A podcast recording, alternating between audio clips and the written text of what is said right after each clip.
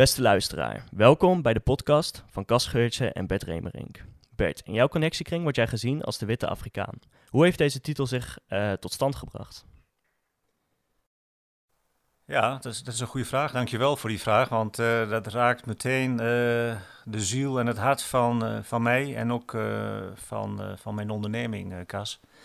de Witte Afrikaan. De Witte Afrikaan is, naar mijn mening, niet de de Europeaan die uh, even komt kijken in, uh, in Afrika, die het vliegtuig pakt, daar aankomt, opgehaald wordt door een chauffeur uh, naar het hotel. De volgende dag naar een houtzagerij, nog even napraten in een kantoor. Misschien de dag erop nog weer aan een ander bedrijf. aan het einde van de week nog snel even naar het strand, wat souvenirs kopen en terug met een nachtvlucht terug naar, naar Europa. Uh, dat is niet de, de, de, witte Afrikaan. De witte Afrikaan is ook niet, zoals menigeen misschien wel denkt, de, degene die daar toch wel vrij lang zit. Um, aan lage wal is geraakt door, uh, door drank en uh, andere verboden vruchten.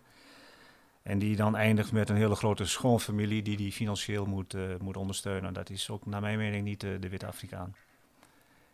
De witte Afrikaan is ehm, veel meer de man die daar heeft gewoond, gewerkt, en geleefd. Die echt al die mooie dingen van Afrika heeft gezien. Maar ook de negatieve dingen van Afrika heeft gezien. Uh, hij is begaan met Afrika. Uh, hij houdt van Afrika. Ja, want als ik het goed begrijp, heb jij 28 jaar lang in Afrika geleefd. Uh, ja, deze periode heeft eigenlijk een faillissement tot gevolg gebracht, maar ook heel veel ervaringen.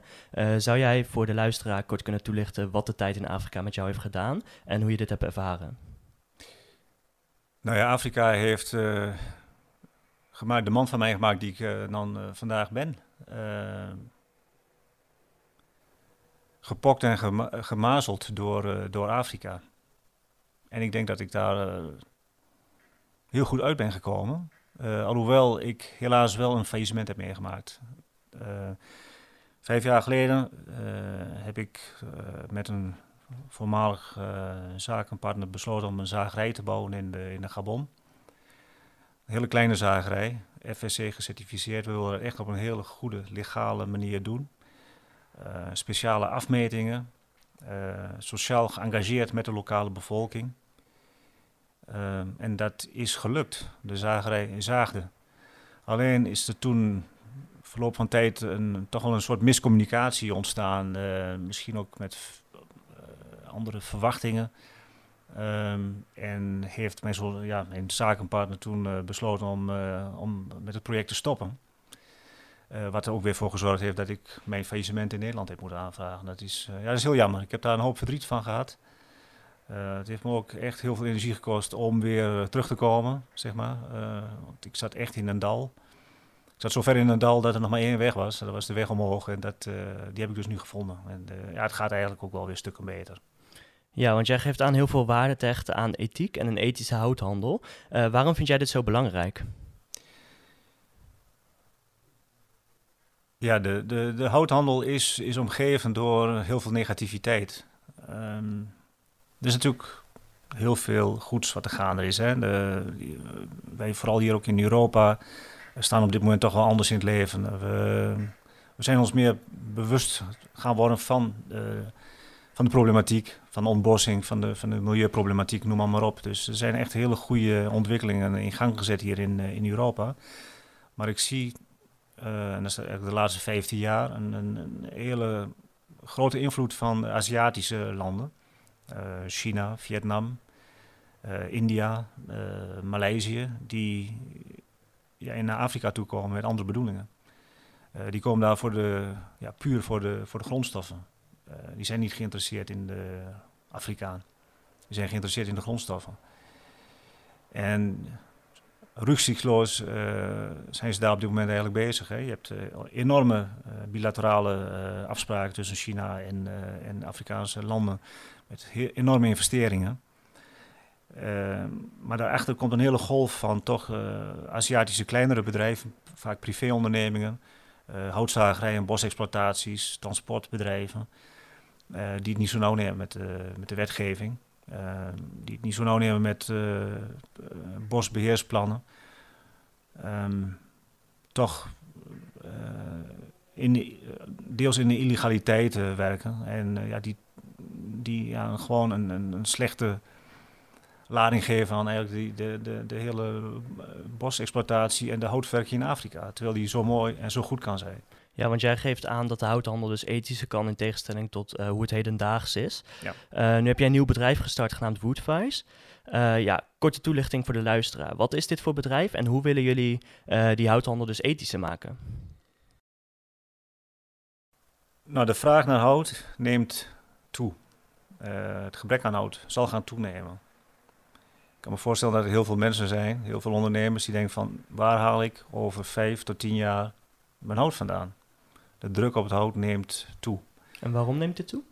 Uh, nou ja, natuurlijk door de bevolkingsgroei, ook door de Afrikaanse bevolkingsgroei. Er is ook een enorme behoefte aan hout in Afrika zelf. Uh, een jonge bevolking in de algemeenheid, die, die, die op dit moment een enorme groei uh, ondergaat eigenlijk. Dus de, de, vraag naar hout in Afrika zelf zal toenemen. maar in India en China zal die vraag ook toenemen. Dus de druk op het hout neemt toe.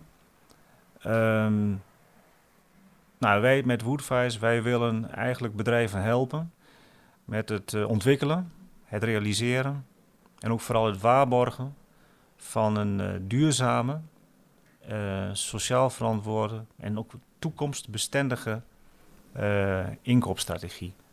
Wij willen bedrijven echt helpen met het, met het uitvoeren van marktverkenning in Afrika. Kijk waar de, bron, waar de bronnen zijn, waar ligt, waar is het hout, wat zijn de alternatieven wat zijn de tendensen? En dat doen we echt uh, door daar aanwezig te zijn. Dus met de, met de, met de poten in de modder, zeg maar.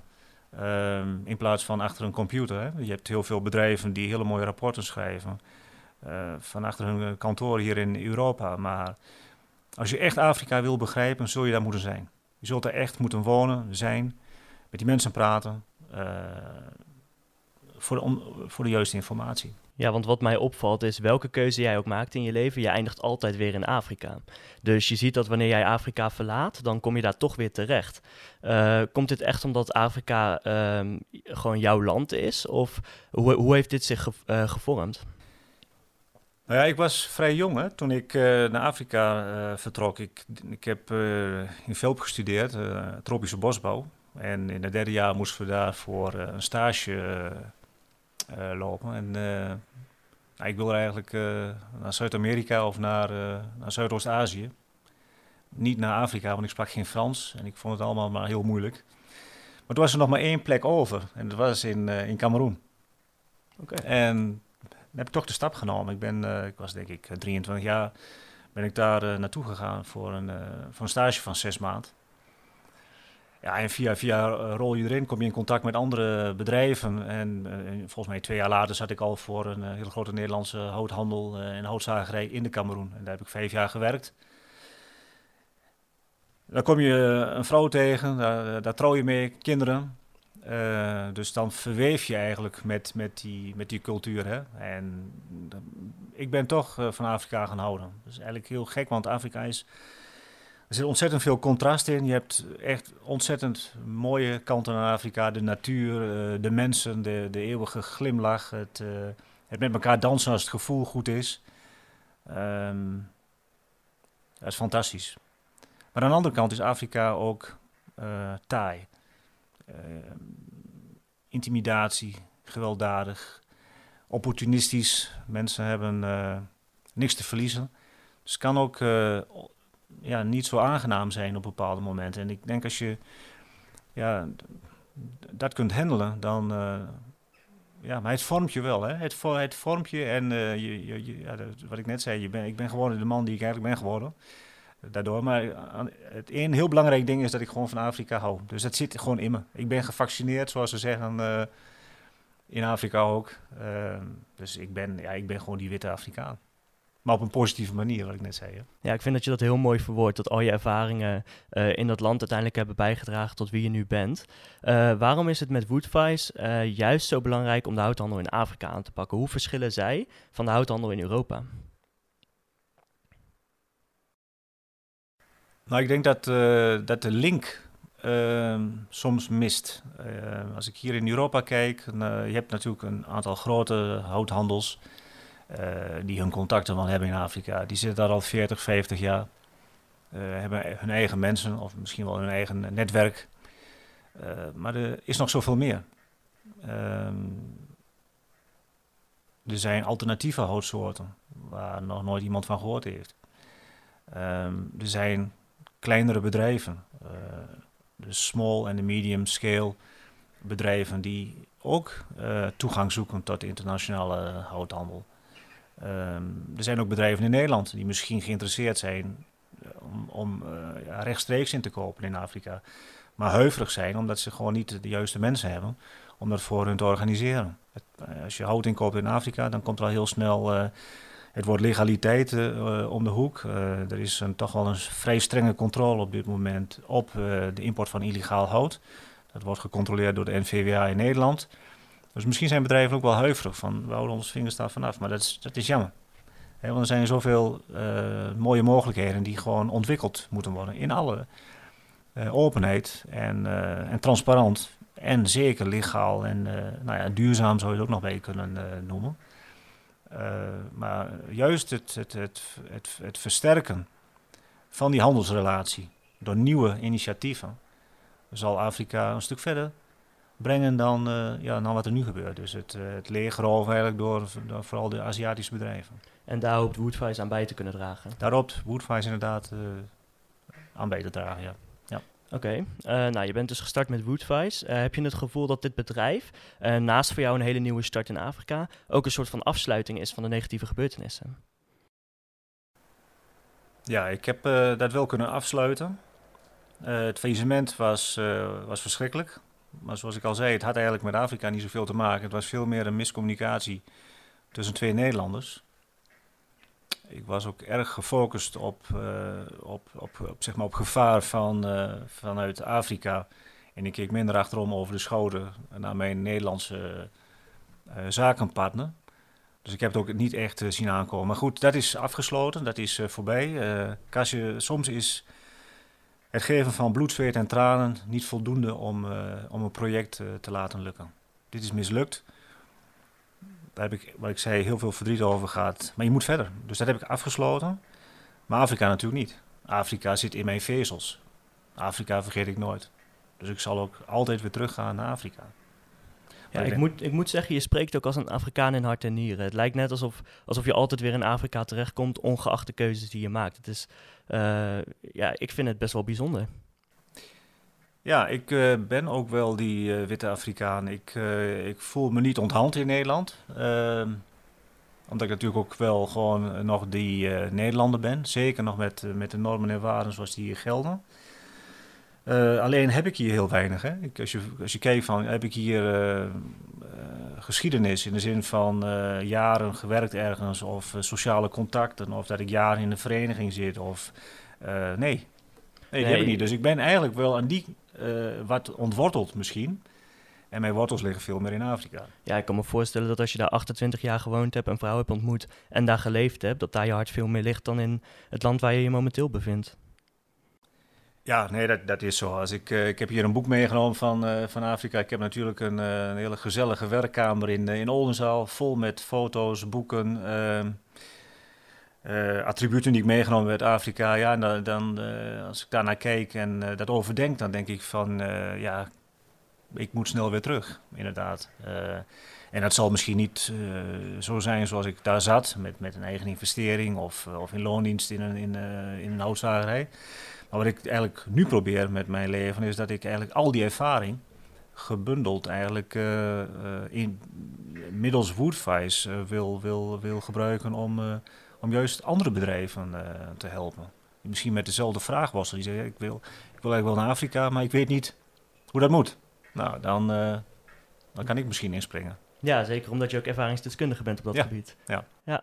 Nou ja, ik vind het uh, in ieder geval een heel mooi bedrijf. Ehm, maar los van je positieve ervaring met, met Afrika, ben ik ook wel benieuwd hoe jouw passie voor de houthandel zelf is ontstaan. Ja, die is die is, die, die, die is niet zomaar gekomen. Dat heeft, dat heeft jaren geduurd. Uh, want ik ben begonnen op de tuinbouwschool in, in Zenderen. Uh, daar heb ik een opleiding gevolgd tot vakbekwaam hovenier, zoals dat zoals dat zo mooi heet. En als mensen nog problemen hebben met hun tuin, dan, dan bellen ze me nog wel eens. En dan doe ik nog wel het een en ander. Maar dat was eigenlijk niet mijn ding.